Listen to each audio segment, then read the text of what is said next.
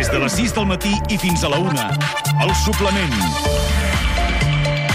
España nos necesita y este Congreso en el que si salimos ilusionados, unidos y también renovados en el buen sentido de la palabra, yo creo que eh, después del sábado, el mismo lunes, si hacemos una encuesta, veremos cómo habremos subido otra vez. Tenemos que estar unidos porque delante tenemos a los socialistas unidos a los populistas y a los independentistas y hay que estar muy fuertes para poder defender pues, la unidad de España, la libertad, la igualdad, esos valores que compartimos que son mucho más fuertes que las diferencias. Pablo o Soraya, Casado o Sainz de Santa Maria. Aquest és el dubte que hauran de resoldre els 3.082 compromissaris del PP. En el congrés d'aquest dissabte, el partit escull nou lideratge amb el sistema de primàries per primera vegada en la seva història i ho fa més dividit que mai. A l'Hotel Auditorium de Madrid, el lloc on se celebra el congrés, saludem Albert Calatrava, el corresponsal de Catalunya Ràdio a Madrid. Bon dia, com estàs? Què tal, bon dia? Molt bé, com esteu aquí? Doncs mira, aquí hi ha neguitosos, nerviosos, perquè a veure com, com va aquesta jornada. I tots miren eh, els mòbils, a veure si ens envien missatges, perquè ja com sabeu que eh, la jornada d'avui comença amb la intervenció dels, dels dos candidats i s'ha fet un sorteig i comença Soraya de Santa Maria, el segon serà Pablo Casado, és l'últim discurs mm. per intentar acabar de convèncer els compromissaris i en teoria, segons el programa del Partit Popular, a les 11 comença les votacions, per tant, més o menys a la una del migdia ja sabrem el nom, es farà públic el nom del nou líder del Partit Popular. Els discursos començaran cap a quarts de 10, oi? Sí, és a dir, el, sempre va això amb una mica de retard, amb 5-10 minuts ja. de retard, però en teoria, segons el programa del, del Partit Popular, a dos quarts de 10 arrenca aquesta segona jornada del Congrés de la Formació. I Solores, Flaire, qui guanyarà o és molt incert? Mira, jo vaig dir que Cospedal guanyaria, passaria el primer tall i mira com estic. Estic jo per fer pronòstics. Tinc la sensació que fa una setmana et diria que Soraya. Uh -huh. Uh, bon, diré Soraya Santa Santa Maria, que em sembla lleig només dir el nom. Uh, diria que Soraya Santa Santa Maria. Uh, però ara la tendència és que veig molt, molt animat a Pablo Casado. Ja veurem. És cert que ell també estava animat amb les primàries i al final va quedar segon. Uh, sempre no són malament. com més reservats l'equip de, de Sant de Santa Maria que no pas el de Pablo Casado, però vaja, jo de moment no, no m'arrisco, no, no faig cap pronòstic. Saludem també a Daniel Sánchez Ugar, periodista del diari Ara, bon dia. Bon dia. A Marisol Hernández, periodista del Mundo, també bon dia. Buenos días. I a Alejandro de Miguel, periodista de Público, bon dia. Hola, bon dia. Doncs tenim aquesta taula amb els quatre periodistes des de Madrid i el que us deia, sabeu qui guanyarà o almenys qui té més opcions? Tenim números dels compromissaris que s'han anat situant cap un cantó o cap un altre? Tenim números que són incompatibles. És a dir, si, si això fos un concurs de matemàtiques, tots suspendrien, perquè el que ens havia arribat era un 71% per Casado, segons calculaven ells mateixos, mm. un 63% per Soraya, segons calculaven ells mateixos. Um, els números no surten, no en sortiria És un 130, impossible, un sí, sí. 100, 130 i pico per cent, per tant, alguna cosa falla. Um, els dos s'han esforçat bastant per presentar, per presentar una imatge, de, per presentar-la com a possibles guanyadors, perquè el, el plus que et dona arribar aquí com el, com el que té més números de guanyar, uh, d'una banda, afegia pressió a Casa- a Casado per sumar-se a Soraya amb una candidatura única, cosa que no ha funcionat, i de l'altra banda, pues, és sempre mm. els compromissaris intenten apuntar-se al cavall guanyador. Llavors, presentar-se com el guanyador era, era un plus en aquest sentit i per això i per això hem trobat això, però no hi ha un número, no hi ha un número que nosaltres et puguem dir amb fiabilitat perquè, perquè és això, bàsicament les estimacions són contradictòries. Marisol, Sí, bueno. podem dir que el partit està dividit totalment en dos? Yo creo que está, que está muy dividido, la verdad. Mucho más, mm, en mi opinión, de lo que podíamos esperar en un, en un primer momento. Las primarias están siendo una prueba muy intensa para el PP y, bueno, al margen de quién pueda ganar, que es verdad que eh, es difícil apostar, ¿no? Yo os haré ahora mi, mi predicción. Sí, a veure. Pero el- eh, yo, yo creo que todavía hay opción, o sea, que pa- Soraya Sáenz de Santa María, que es lo, lo lógico, lo natural y quien en la primera vuelta eh, demostró más fortaleza. Esa es mi, esa es mi predicción. Pues Soraya de posiblemente- Santa Maria. Posiblemente me equivoque, ¿no? No tengo... Yo me va a pasar como, como Albert. No, també diria ara Sant de Santa. Sí? Sí, yo- yo l'Alejandro, creo que- Alejandro de Miguel, què diries? ¿Qué tal? Buen día. Pues Buen yo no día. tengo nada claro porque desde el miércoles, jueves, cuando jugaron ya con... eh, se intensificó esa batalla por las cifras y, y comentaba lo que, lo que decía Daniel, ¿no?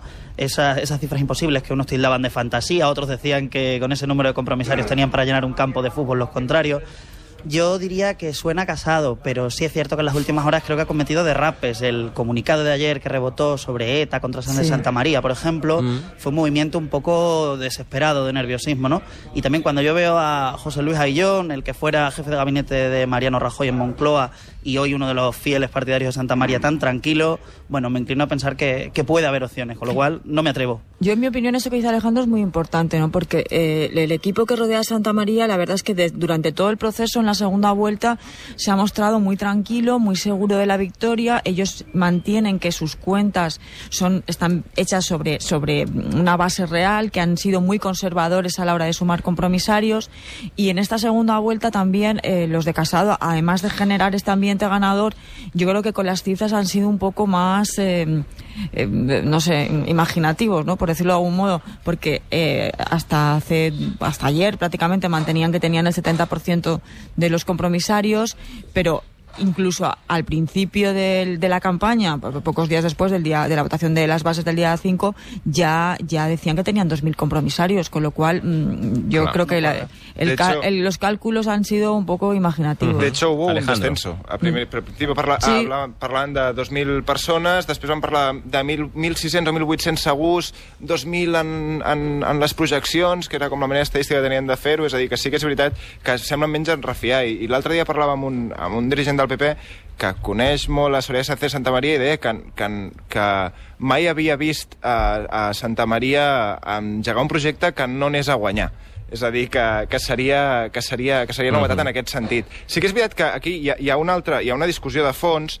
Um, segurament Casado és un, és, representa el canvi, uh, la regeneració, i va una mica en, amb el signe dels temps, és a dir, el que hem vist a, a, al PSOE, el que estem veient en la política espanyola en general, amb nous partits arribant al Congrés dels Diputats, um, el signe dels temps és una mica que la gent, les organitzacions es vulguin canviar per dintre, es vulguin canviar canviar a si mateixes i Casado en aquest sentit ho representa més. Però hi ha un segon debat al, de fons i és si, si el PP vol fer una esmena a la totalitat o una esmena bastant parcial però bastant elevada al, al llegat de Rajoy, eh, que suposaria anar per Casado i fer un gir a la dreta a la vegada, eh, recuperant vells fantasmes com Aznar, que li, està, que li està donant suport més o menys explícit, o si prefereix una línia de continuïtat potser més tecnòcrata i potser el que s'acusa a Rajoy d'haver fet amb el PP, que és haver-lo um, desprovist ideològicament, no? D'haver-li tret armes ideològiques uh, que representa Soia de Santa Maria i, i, i, i optar per la continuïtat. Però, Albert, ahir... que- Deixa'm dir, Albert, uh, ahir Rajoy va ser totalment aplaudit, àmpliament aplaudit, i no hi va haver crítiques a la seva gestió. Sí, perquè avui era el dia d'homenatge a Rajoy. És que jo crec que si algun dels candidats critica ahir a Rajoy és que automàticament, doncs, eh, no sé si perd avui, però ja es posa una pedra a sobre. És a dir, avui, ahir era el dia d'homenatge i és cert que Rajoy va continuar fent de Rajoy. No es va mullar directament, sí que algú va fer alguna interpretació perquè Rajoy va fer una... del seu discurs de 50 minuts va dedicar una bona part a, a defensar la gestió del govern amb Catalunya i tenint en compte que, que durant la campanya Pablo Casado havia criticat l'efectivitat de l'anomenada Operació Catalunya, recordem, encapçalada per de Santa Maria, algú va fer aquesta interpretació que era un petit gest una picada d'ullet a, a, a Sant de Santa Maria. I jo, a- amb el tema que deia el Dani, du, dues idees. Crec que a l'inici d'aquest procés de, de primàries i de congrés, molts dèiem que això, res, que no- era només un debat de persones i no de- d'idees, i jo era el primer que ho vaig dir, i reconec que m'he equivocat, que en el fons sí que estem entrant en un debat ideològic Clar, sobre el PP, per- perquè estem parlant on un candidat de centre-dreta i un de dreta-dreta. Clar, per I tant, quins això- dos partits ens podem trobar si guanya Casado o guanya Santa Maria? Un partit més de dretes, un partit més de centre? Podem un partit que intenti emular Ciutadans? Com ho? Creo que la, interpretación es que si gana Casado podemos tener guiños al aznarismo y un partido más cercano a los planteamientos de Albert Rivera, ¿no? O sea, igual nos encontramos con dos supuestos líderes de la España de los balcones, como ellos lo, lo llaman, mientras que si gana Santa María, bueno, pues lo que se espera es eso, la línea continuista, el menor ruido posible. Es cierto que no va a haber regeneración y digo una cosa, eh, Santa María se ha vestido como vicepresidenta cuando ya no lo es y ha hecho toda la campaña con ese traje presidenciable. Cuidado porque ella no ha bajado al, al barro, a diferencia de su rival, que sí se ha metido en temas políticos, sí se ha mojado en cosas que le pueden ser más o menos polémicas, el, el caso del aborto, el tema de la familia, pero su rival no ha entrado en política. Y hay que decir otra cosa que yo creo que, que no hemos mencionado, y es que el voto es secreto. Por lo tanto, los compromisarios pueden prometer muchísimo ahora, hasta el último momento, pero lo cierto es que lo que pasa a las 11 de la mañana en esas cabinas secretas y se vota con sobre, nadie va a poder gestionarlo. Por lo tanto, cualquiera puede decir, sí, te voté al que gane. O sea, que eso es un elemento más de, de incertidumbre. ¿no? Diría también que ayer, con el homenaje a Rajoy, se intentó blanquear lo que ha sido una campaña con bastantes dardos, con bastante puñalada a, la manera de la derecha, porque si lo comparamos con un Vista Alegre de Podemos o con unas primarias del Partido Socialista, a lo mejor el, el nivel, el tono no ha subido tanto, pero para las formas del PP, que nunca había elegido a su principal líder de esta forma, con votación de los militantes por una primera ronda, pues bueno, no había registros y por tanto esto es un escenario nuevo e insólito y teniendo en cuenta eso, los vídeos que han aparecido, los comentarios que se han hecho en campaña, los reproches a la falta de experiencia de uno, o, o lo que decía Albert de Cataluña. Nadie se mete con Rajoy, nadie puede cuestionar más la, la, herencia de Rajoy. Quien lo ha hecho es Casado, y hoy no se espera que lo haga porque es consciente de que es el momento del homenaje a Mariano Rajoy. De hecho, él, cuando ha criticado Cataluña, ha aprovechado para meterse con Soledad Sánchez de Santa María. A ella la ha hecho responsable por la operación. Diálogo, y a ella la ha acusado pues, de ser en parte responsable de, de esa moción de censura que les lleva a perder el gobierno, ¿no? Pero yo, yo en mi opinión este, Marisol, no et sentim gaire bé.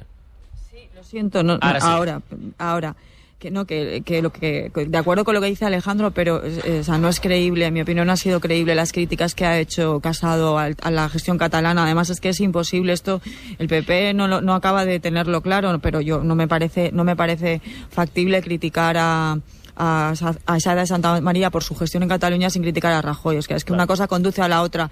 Y por eso, como decía Albert, la respuesta que ayer se produce. Hay una reivindicación clara de la gestión que se ha hecho frente al desafío soberanista. Eh, un, una parte importante de su discurso se dedicó a eso. Yo, yo creo que eh, era algo esperado por el, por el PP. Se mantuvo en una cierta neutralidad Rajoy, pero ayer en el plenario vino, vimos gestos que yo creo que bien interpretados nos conducen al mismo sitio, ¿no? Hubo unas, un saludo frío, más frío con, con Pablo Casado.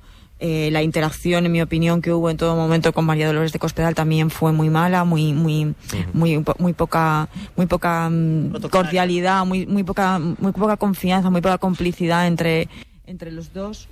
Y, y la y en cambio por ejemplo con Sae de Santa María con, con Sae de Santa María eh, fue muchísimo más eh, más afectivo mucho más eh, eh, más cariñoso. Hay una imagen el periódico Cataluña la lleva hoy en portada nosotros en el mundo también la llevamos en portada que aparecen eh, dándole un beso Rajoy a su ex vicepresidenta le da dos besos en la mejilla y luego le da uno en la frente que a mí me parece sinceramente una de las imágenes de este congreso Clar, han sigut molts anys al final de, de Santa Maria al costat de Rajoy. El que us anava a demanar, creieu que, ara ho apuntava l'Alejandro, creieu que el PP s'ha podemitzat una mica, que ha recollit, tot i que sigui difícil de dir, i siguin antagònics, aquell moviment del 15M i comença a fer primàries i comença, sobretot en Pablo Casado, ho dèieu, que ell sí que ha baixat eh, el fang, que ha trepitjat territori.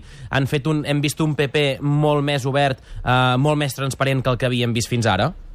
Home, jo no diria, jo no diria tant com, com podemitzar-se, Uh, però sí que és veritat que la, la, la, democràcia, la democràcia interna ha arribat a la dreta espanyola. Pero ya era hora, ¿no? O sea, quiero sí. decir, de 2014 la cosa ha cambiado para todos los partidos y era hora de que el Partido Popular Clar, dejara de ser impermeable. Allò, allò que deia una mica el signe dels temps, potser sí que té a veure en l'entrada de, nous, de nous actors polítics, que, sí. que, que, que ara sembla impensable que cap partit no compti amb les seves bases, o sigui, el, el dit uh, assenyalant el, el successor sembla una cosa que ja no, ja no, ja no cola, ja no, ja no la podem admetre en cap partit, ni tan sols a la dreta, i una mica ara està, està gestionant els, els costos i els beneficis també de la democràcia interna. Jo crec que mm, és veritat que estem veient una divisió interna dintre del partit, que estem veient una lluita mm, d'idees, com comentàvem, també de persones i de faccions dintre del partit, que estem molt poc acostumats per la por atàvica que té la, la dreta a la divisió interna, um, però la part positiva pot ser que, que, que aquest debat d'idees generi il·lusió dintre de les bases. Aquí veus eh,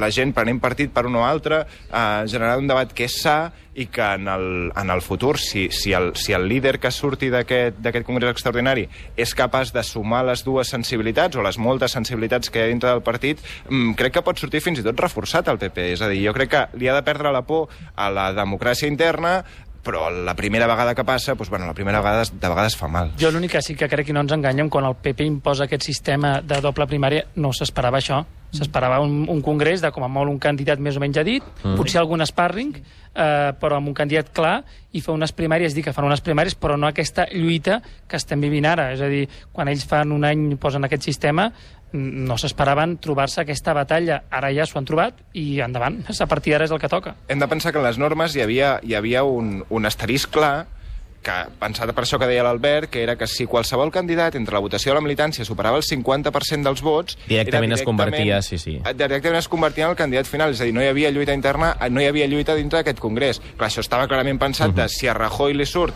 un Helio Cabanes que, que reuneix 100 firmes i és capaç de, de, de plantar-li cara, això ho, ho, ho tallem a la primera de canvi perquè si Rajoy supera el 50% dels vots ja està tot fet. Clar. Sí, parecía un sistema hecho a la medida, perdón, de, de, de Alberto Núñez de Feijóo, claro, ¿no? De, bueno, pues hay un consenso general de en torno a, a, a que él eh, podría haber sido el sucesor, ¿no? Pues bueno, se presenta, es, es avalado por las bases, algún, algún espontáneo también lo podría haber intentado, como decía Daniel, y, y bueno, y, y, y, no hubiera no hubiera habido, desde luego, no hubiera llegado más lejos, no, no, no, yo como, como ha comentado Albert, no creo que esto, esto es, estuviera previsto. Y Era ya veremos, eh, ya veremos, en mi opinión, eh, con, con cómo se recupera el partido, porque yo sí que creo que hay una ruptura muy importante, que, que, que quien salga hoy tiene una obligación absoluta de integración, pero creo que se han sobrepasado muchos límites en estos días y que va a costar un poco volver a cierta normalidad y cierto trabajo en común. Serà difícil recosir? No creieu... Anava a dir, serà difícil recosir? No creieu que guanyi qui guanyi Casado, Santa Maria, incorporarà l'al- l'altre candidat o fins i tot Cospedal o altres, altres grans líders del PP dins, de la seva, dins del seu equip?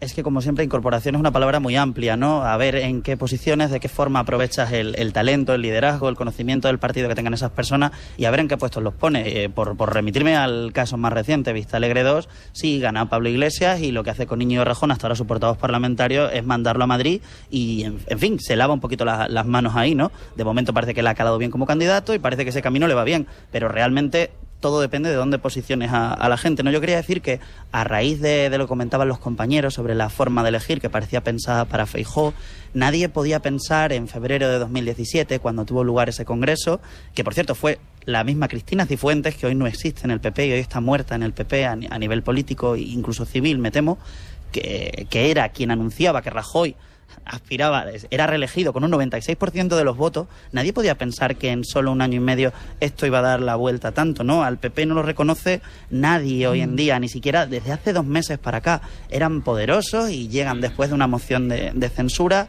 apaleados, sin un liderazgo, hablaban de que iban a hacer una oposición durísima. Bueno, pues de momento hemos visto una oposición más bien descoordinada. Han estado mirando hacia adentro. Si en 2004, cuando sale Rajoy, estaban vapuleados por, por haber sido echados del, del gobierno por unas elecciones que perdió claramente Aznar por sus mentiras, por la guerra de Irak, etcétera, hoy están completamente vapuleados de nuevo y la diferencia es que ni siquiera ha habido una votación que los eche de, de Moncloa. O sea, sus propios errores, la sentencia de Gürtel ha sido lo que los ha llevado fuera. Y hay otro detalle. Eh, Margallo, eh, que ahora está fuera de la carrera, evidentemente, pero en la primera ronda sí estuvo, apuntaba siempre a que hacía falta el debate de ideas. Desde el entorno de Soraya decían, ahora no toca el debate de ideas, toca el debate de liderazgo. Bueno, pues el debate sobre el programa del Partido Popular en algún momento va a haber que abrirlo. Y esa va a ser otra, porque en este Congreso no hay ponencia, no se debate qué es lo que hay que abordar, qué posiciones pueden cambiar, y eso hay que hacerlo. El PP no puede seguir en temas como el aborto diciendo voy a esperar al Tribunal Constitucional y a ver qué tal. Por lo menos Casado ha tenido una oposición en eso. No, pero es que yo ahí discrepo totalmente. Es que la posición del PP está clara. O sea, está clara porque eh, eh, han, ha gobernado cuatro años y no han cambiado la ley del aborto, con lo cual reabrir un tema. Porque no pudieron. Porque no, bueno, no, porque no pudieron, no, porque no, porque no quisieron, porque realmente eh, tenían una mayoría absoluta para haberlo hecho. De hecho, ese intento de cambio le cuesta el, el ministerio a Alberto de Gallardo. Ruiz Gallardón. Es que yo me niego a pensar y, y- y a, y a concluir que el debate ideológico que pueda llevar a cabo el PP, la derecha española, es si defiende la unidad de España, si defiende la familia y el derecho a la vida, o si eh, o si defiende la 11. O sea, es que a mí me ha parecido yo- un debate, bueno, absolutamente insustancial. Y Sí, bueno, no, que perdoneu, no, que no conduce sí. a ningún Però sí sitio. que- Un Però sí moment, que que- Daniel, un moment, eh? Perdoneu, deixem acomiadar el nostre company, l'Albert Calatrava, que ha de marxar a Sí, fer la connexió amb corrents. TV3. Abans, abans de marxar, no t'has mullat, hem sentit dos Sorayas, No, dos Soraya, Pablos... Jo he dit Soraya. Tres Sorayas i un Pablo Casado. Per tant, tot sembla que Soraya s'ha Però bueno, ja- Segons els pronòstics dels nostres periodistes... Ja, I dic, i dic Soraya allà. No sé, no sé quin, a quin sac em poseu, però jo crec que tampoc m'he mullat, eh? Has dit Soraya Sáenz M'he de Santa la, Maria. la Marisol i jo, crec. Va, Albert, et deixem marxar perquè tens feina amb Molt bé. TV3. Gràcies, fins una abraçada.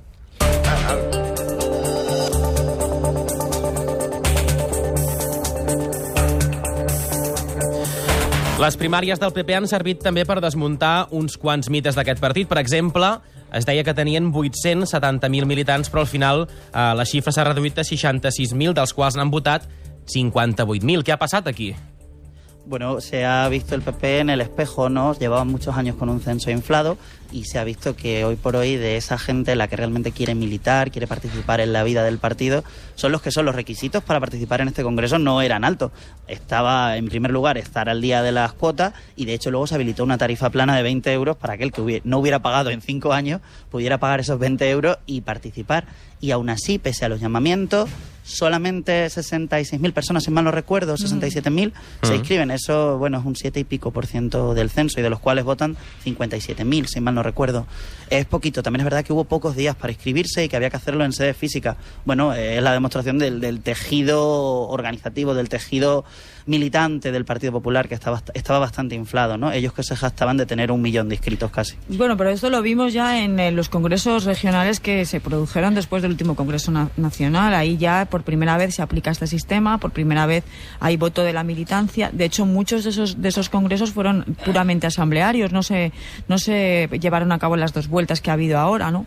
Eh, ya ahí en la inscripción de militantes el PP ya demostró que su fuerza, mm, de la fuerza de sus afiliados era muchísimo menor de la que ellos mantenían. Yo creo que, durante años han, han vivido en una mentira que solo tiene una justificación. Y, y la- y hoy, y hoy la vamos a comprobar aquí, la vamos a vivir aquí, que es que ese número de militantes luego se traduce en compromisarios y esos compromisarios tienen un poder territorial eh, definitivo ¿no? en un momento dado para decantar la balanza hacia uno u otro candidato. Solo Madrid eh, fue quien depuró el censo y en estos momentos a Madrid eso le ha, le ha, le ha sido una, un, un hándicap porque tiene menos compromisarios de los que le corresponderían en- con su censo anterior, ¿no? Son, son, hay otras comunidades, por ejemplo Galicia con el censo muy, Sí.